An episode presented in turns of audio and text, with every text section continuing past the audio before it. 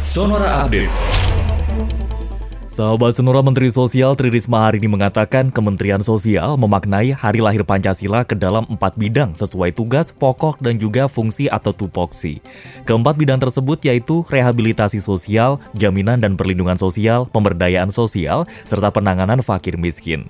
Risma menjelaskan pelayanan di empat bidang Kementerian Sosial harus didukung sumber daya manusia atau SDM bermoral dan juga berintegrasi tinggi sebagai implementasi membumikan Pancasila.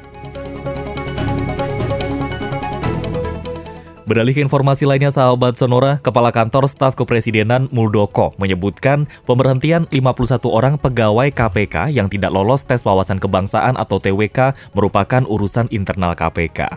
Muldoko berpendapat pihak istana sudah tidak perlu mencampuri polemik tersebut karena Presiden Joko Widodo juga telah menyampaikan pesannya. Muldoko pun menegaskan istana tidak akan memanggil pimpinan KPK maupun BKN atau Badan Kepegawaian Negara selaku penyelenggara tes terkait polemik ini.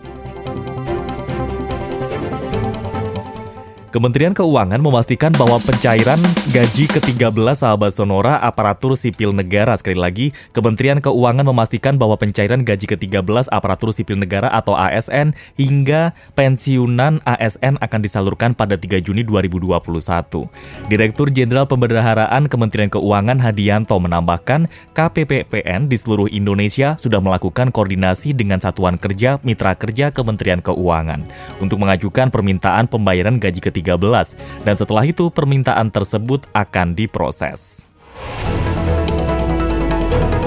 Demikian Sonora Update.